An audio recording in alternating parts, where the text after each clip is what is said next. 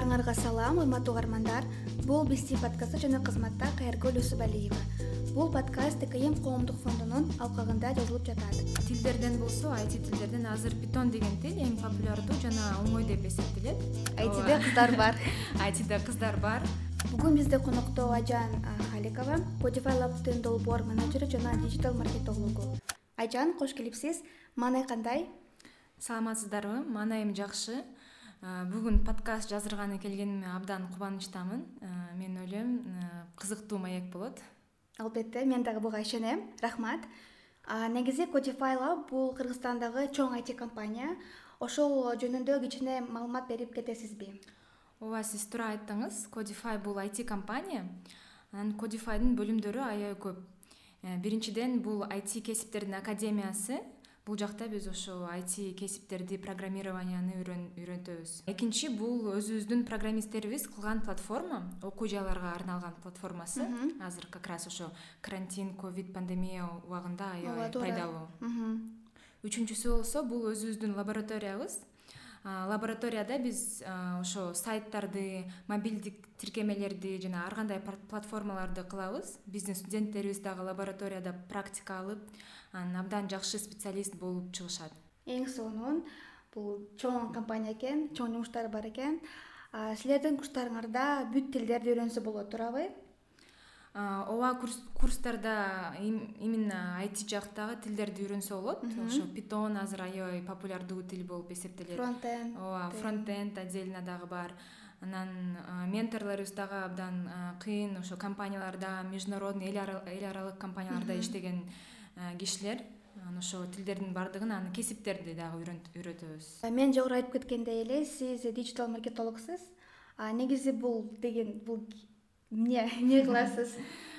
Ооба диджитал маркетолог бул өзү маркетолог рынокты э, түзүп ар кандай э, эсепке алып анализ кылып анан э, интернеттин жардамы менен ошо реклама инстаграм фейсбук гуgл ошолор менен пайдаланып өзүнүн продукциясын көрсөтүп анан адамдарды кызыктырып келген киши маркетолог деп эсептелет. Анан биз дагы ошо диджитал интернет менен жакын иштейбиз. Ооба. туура айжан сиз labка кантип иштеп калдыңыз кантип келип калдыңыз?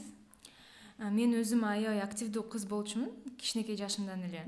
Анан биринчи курстан баштап эле э, көп жерлерде стажировка өтүп проекттер менен иштеп жүргөн болчумун бирок э, именно айти жак айти сферада өзүм тажрыйбам жок болчу анан жаңы карантин башталганда ошо пандемия болгондо codifyга кызматкерлер керек болгон. Ошондо командасына кошулган болчумун ал убакытта мен айти жөнүндө аз билет элем бирок азыр болсо бир жылдан ашык иштеп ушу айти сфера аябай жагып калды. Анан андан ары ушул сферада өскүм келет. Сонун. Азыркы учурда канча окуучу бар codify codifyда бизде өзүнчө чоңдорго жана өзүнчө кичинекей балдарга курстар бар анан чоңдор азыр жүз элүүгө жетип калган. Саны чоңдор жүз элүүгө ооба. чоң эле көп экен кичинекей балдар жана өспүрүмдөр болсо эки жүзгө жакын окуучулар. Азыр айти окуйм деген адамдар абдан көп. Айжан сиздин оюңуз боюнча эмне үчүн азыр айти сфера бизде өнүгүп жатат? Мен как раз жакында келечектеги кесиптер жөнүндө статья жазган болчумун. Биздин ошо codify блогубузга анан жыйынтыктары менен сиздер менен азыр бөлүнүшүп коеюн. Ой сонун болмак эле. Келечекте азыр деле баардык кесиптер келечекте бирок азыр деле баардык кесиптер айти менен байланышып калды. Анан технологиялар абдан өнүгүп жатат. Ошого айти профессиялар азыр абдан керек кишилер болуп атат. Айрыкча азыркы пандемия айтинин өнүгүшүн абдан тездетти. Ооба туура айтасыз. Мындан тышкары айти кызматкерлеринин жумушу аябай кызыктуу жана зарплатасы көп ошого айти азыр аябай өнүгүп жатат. Өзүңүз айти сферага иштеген жагабы же балким башка сферада иштеп көрөйүн деген ойлор келеби билбейм там актриса болоюн деп эмнеге айттым актриса деп. Бирок ошондой башка сферага иштейин деген оюңуз барбы мен мурун башка сфераларда иштеп көргөн болчумун анан мага ошо кишилерди ушул жагат разносторонность деп коет. Ошонун баардыгынын ичинен мага айти сфера абдан жакты ошо мен проекттерде иштеп көргөм социальный проекттерде мен нполордо иштеп көргөм анан мага эң көбү айти жагып калды. Мен азыр ошо айти сферада эле өскүм келет эгер профессиямды дагы алмаштыргым келсе айти кесиптерди үйрөнгүм келет. Анткени азыр мен айткандай айти көп адамдар айти бул компьютердин алдында иштеп же жөн эле отуруп ошондой деп ойлоп калышкан. Бирок тескерисинче айти кесиптер көп. Бул ар кандай менеджерлер дизайнерлер тестировщиктер анан разработчиктердин түрлөрү дагы аябай көп жүз пайыз өзүңүзгө жаккан кесипти тандай аласыз. Ошого мен кесибимди алмаштыргым келсе дагы ошо айти айти эле үйрөнгүм келет. Сиз айткандай айти сфера бул жөн эле ноутбук менен код жазма эмес. Бул көптөгөн кызыктуу кесиптерди каптайт. Туурабы демек урматтуу угармандар эгерде силер айти сферага кызыгып жатсаңар бирок коркуп жатсаңар анда силер ушул программирование жөн эмес. Ошого айтиге жакын кесиптерди тандап иштеп көрсөңөр болот силерге ийгилик эң туурасы ооба ошол айти сферага бат эле көнүп кеттиңерби кандай кыйынчылыктар болду? Чынында айтсам кыйынчылыктар бул башында ошо айтиде билим жетпей анан аябай көп иштеп жакшы уктабаган кездер дагы болгон болчу. Бирок ооба окуп иштеп анан каталарды кетирип кайра жаңыдан баштап өнүгүп жатам. Иштегенде же жаңы нерсени үйрөнгөндө дайыма дайыма эле ушундай кыйынчылыктар пайда болушат экен анан булардан коркпош керек өзүмө ушундай жыйынтык келтирдим. Профессионалдар менен кеңешип окуп азыр интернетте дагы баардык маалыматты тапса болот ошентип адам өнүгөт анан ата энемдер деле колдоп эле жатышат. Главное мага өзүмө жакса эле болду. Азыркы учурда диджитал номад деген термин көп айтылат. Биз ушул мээрим осмонова менен жөнүндө сүйлөшкөнбүз. Айти сфера диджитал номад болууга түрткү береби ооба айти кызматкерлерди деле диджитал номад деп эсептесе болот. Анткени алар деле тажрыйбасы көп болсо онлайн иштесе болот. Ошо онлайн эл аралык компанияларга иштесе болот анан өздөрү саякаттап жүрсө болот. Булар аябай көп киши өзү кызыгышат ушуга. Азыр биздин убакытта ушундай жашоо образы аябай популярдуу болуп калды. Анткени мен ойлойм бул аябай ыңгайлуу деп. Туура айтиге жаңы биринчи кадамдарды таштап жаткан окуучулар кайсыл тилди үйрөнүшсө болот? Кичинекей балдарга кайсыл тил жеңил? Мен айтини окуп баштаган адамдарга кеңеш бергим келет. Биринчиден бул ошо кыйынчылыктар пайда болсо анткени кээ темалар түшүнбөй калышат. Бул аябай распространен популярдуу да айтиде туура. Кээ задачаларды түшүнбөй калышат анан көбү коркуп окубай коюшат да улантпай коюшат. Бул мага оор экен деп. ооба ооба бул оор экен бул меники эмес экен деп.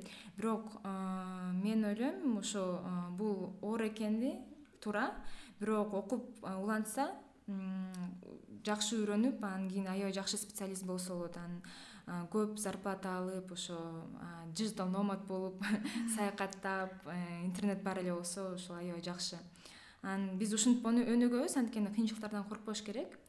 Анан тилдерден болсо айти тилдерден азыр питон деген тил эң популярдуу жана оңой деп эсептелет.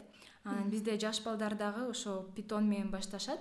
Бирок ошо программированиенин тилдери аябай көп. Анан буну ошо профориентация кылып ошо пробный сабактарга келип өзүнүн кызыкчылыктарын менен карап анан тандаш керек. Ал менен биз жардам бере алабыз ошо же интернетте. Интернетте карап издеп өзүнө жаккан жакын тарапты туура айтасыз рахмат. Менин билгеним боюнча айжан сиз прокижи долбоорунун бүтүрүүчүсүз ушул прокижи жөнүндө кененирээк маалымат айтып кетесизби? Прокижи дагы аябай жакшы ошо долбоор. Алар студенттерге же жаңы окууну бүткөн жаш адамдарга арналган программа.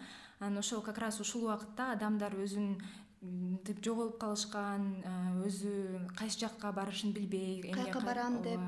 кайсы сферада иштейм дегенин билбей бирок аябай активдүү адамдарга жардам берейин деп ошо прокижиде менторлор бар ошо групповые менторство кылса болот тренингтерди өтүп аябай көп нерселерди үйрөнөбүз анан аябай кызыктуу мындай специалист эксперттер менен таанышып өнүгөбүз да. Ошо прокижи аябай жакшы программа анан алар программага ошо аябай активдүү анан потенциалы бар ошо өнүгүү келген кишилерди тандап алышат ооба. Угармандар эстеп калгыла про кенчи долбоору сиздин менторуңуз ким болду?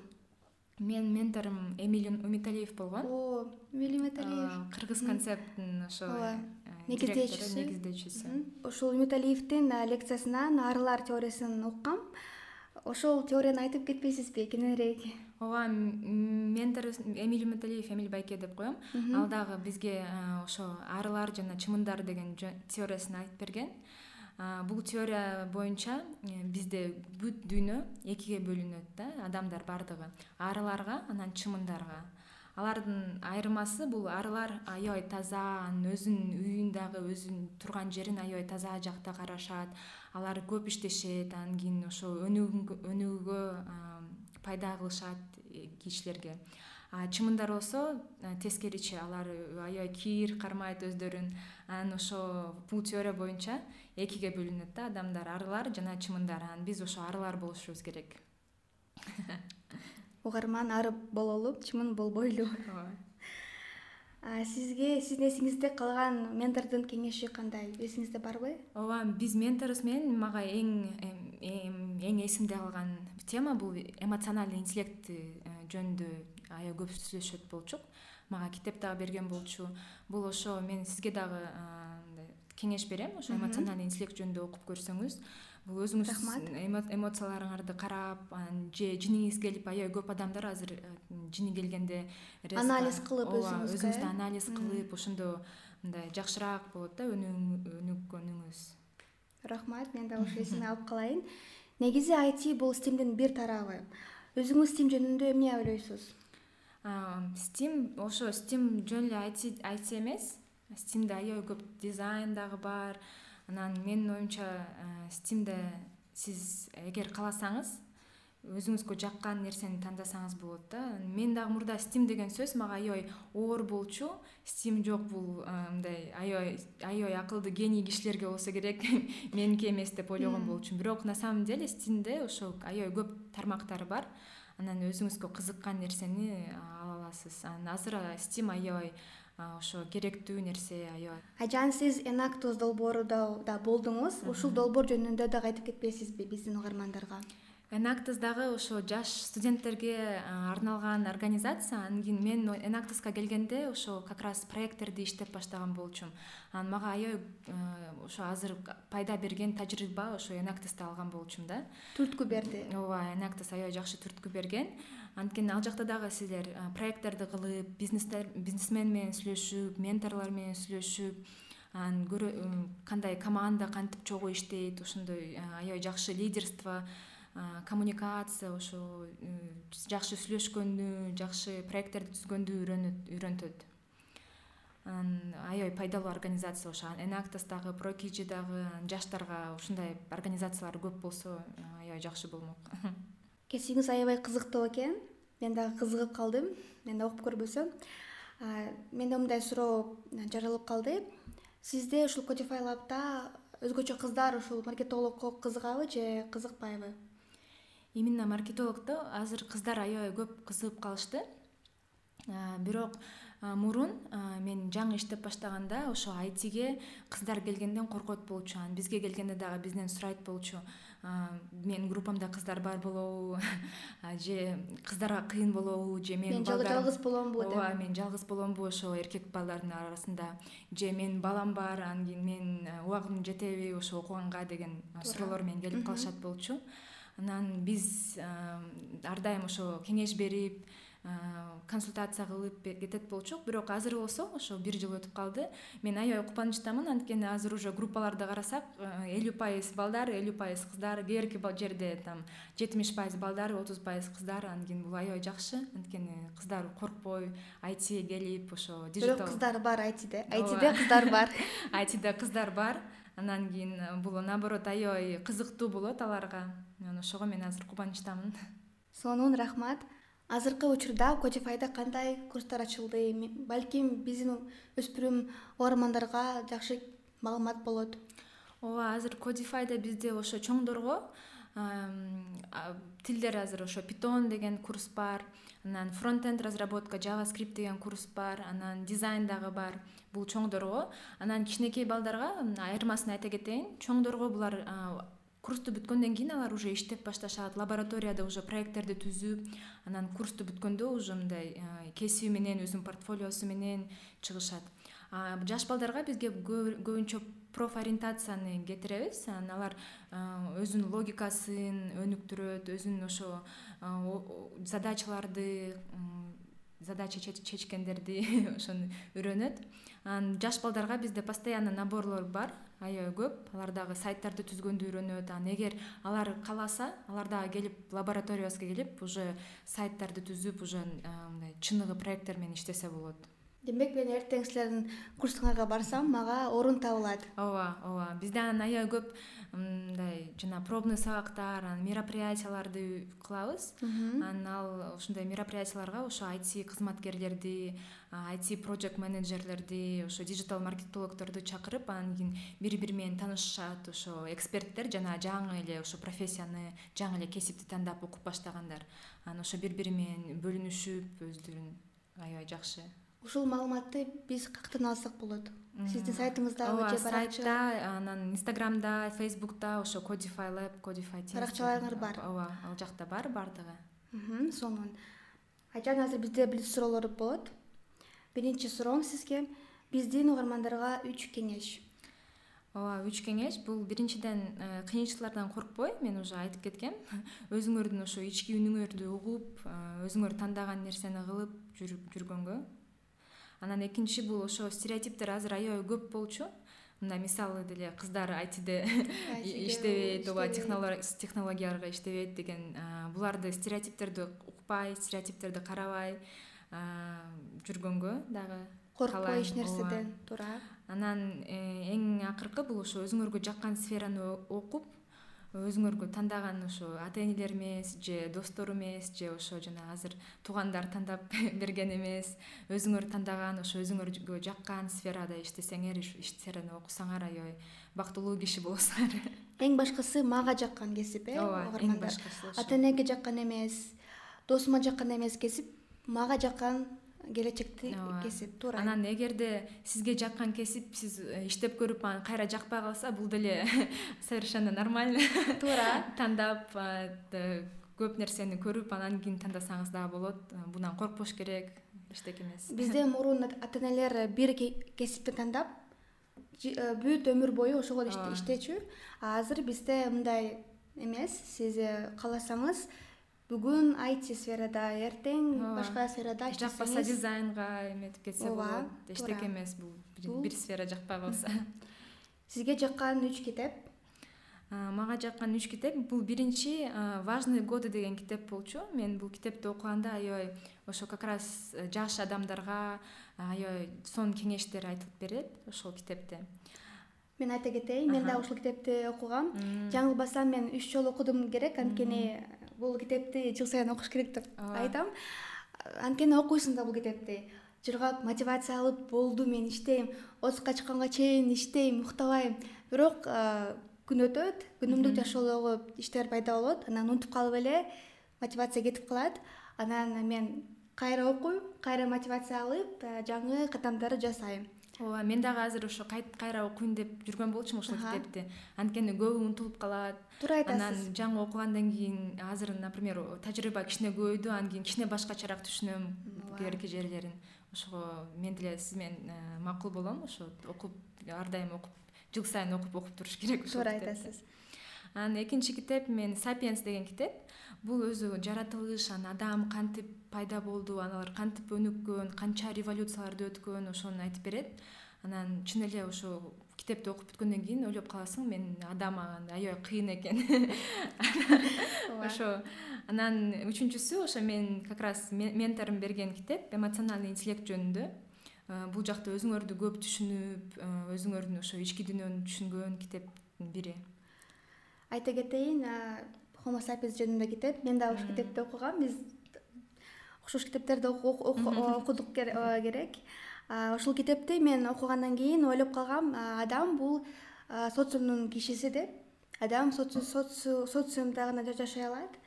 Анан азыркы айтат э, көп кишилер мен интровертмин мен адам менен боло албайм мен өзүм гана иштей алам деп бирок менин оюмча адамга адам керек. Ошондуктан адам менен бололу. Азыркы биздин убакытта аябай ошо командада командада иштеген иштеген ага. ошо кишилер менен иштеген аябай пайдалуу. Туура. Анан сиз айткансыз үчүнчү китеп эмоциональный интеллект. Туура айтасыз мен ушул китепти окуп көрөйүн. Анткени азыркы учурда эмоцияны контролго алыш аябай керектүү нерсе. Анткени көп учурда эмоция бизге тоскоолдуктарды кылат. Рахмат. Таасир берген эки тасма. Таасир берген эки тасма бул биринчи мен өзү тасмаларды көп көрбөйт экенмин анан бирок ошо азыр ойлонуп көрсөм. Биринчи бул побег из шоушенка деген э, эски тасма бул жакта ошол өзүңдүн максатыңа жеткенин э, сабырдуулукту үйрөткөн тасма да. Анан экинчи тасма мен кичинекей жашымдан эле көрүп баштайм. Бул э, дьявол носит прада деген тасма. Ооба мага аябай жагат. ооба ал жакта ошо как раз мен кичинекей жашымда көргөндө эле аябай баш каарман жагат болчу ошо шаарда иштеп эки жака чуркап аябай проекттери көп мындай аябай успешный аял деп. Анан мен деле азыр ойлоп атам ошо кичинекей жашымдан тең көрүп ушул тасма аябай жагат болчу каармандын ошо жашоосу жагат болчу. Анан кийин мен азыр дагы ошого окшош болуп өзүм барып атам. Ошо башкы каарманга окшоп көп иштеп анан өзүммындай сиздин оюңуз боюнча келечектин төрт кесиби жана эмне үчүн ушул кесиптерди айттыңыз? Төрт кесип мындай төрттү айта албасам керек бирок мен айткандай ошо жакында статья жазган болчумун анан ошол жакта как раз ошо айти сферадагы кесиптер баардыгы өнүгөт экен ошо жакында. Бул ошо программисттер.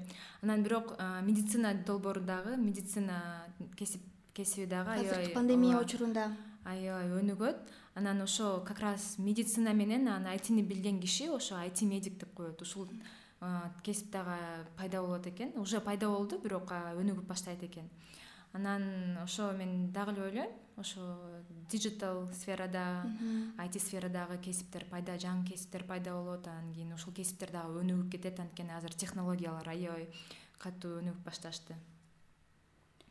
Өспүрүм ажанга кеңеш он беш жаштагы балким мен ошо он беш жашта он төрт жашта анча көп кесиптерди билбейт экенмин. Анан кийин мага дагы ошо стим деген сөздү билет болчумун бирок мен интернеттен дагы карабай эле мага аябай оор болуп көрүнгөн болчу.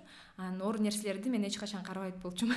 Коркуп э ооба меники эмес. Мен ошо кайсы нерсени билгем ошону эле карап ошо жүргөн болчумун анан кийин азыр кеңеш берет болчумун ошо оор нерсе ал э, жөн эле көрүнүшү оор. Бирок ичин карап э, отуруп көрсө ал оор деле эмес экен. Аны сиз окуй алат экенсиз. Ошо э, оор нерселерден коркпой кыйынчылыктардан коркпой жүр деп айтат болчумун. Сонун мотивация бердиңиз рахмат. Кандай пландарыңыз бар азыр? Азыр пландарда ошо мен айти жакта эле өнүгүм келет. Өнүгүп дагы иштеп көптөгөн долбоорлорду каптап. Ооба проекттерди алып жаңы жакшы мындай кызыктуу адамдар менен таанышып эксперттерден алардын кеңешин алып ошол жакта эле өскүм келет айтиде ошол ушундай пландарым. Рахмат. Конок болуп бергениңиз үчүн чоң рахмат айжан. Кодифай лабтын баракчаларына жана айжандын жаккан китептерине биз ссылканы таштап коебуз урматтуу угармандар биз менен болгонуңуз үчүн рахмат. Тким коомдук фондунун баракчаларына кошулгула көптөгөн маанилүү маалыматтар бар. Жакшы калыңыз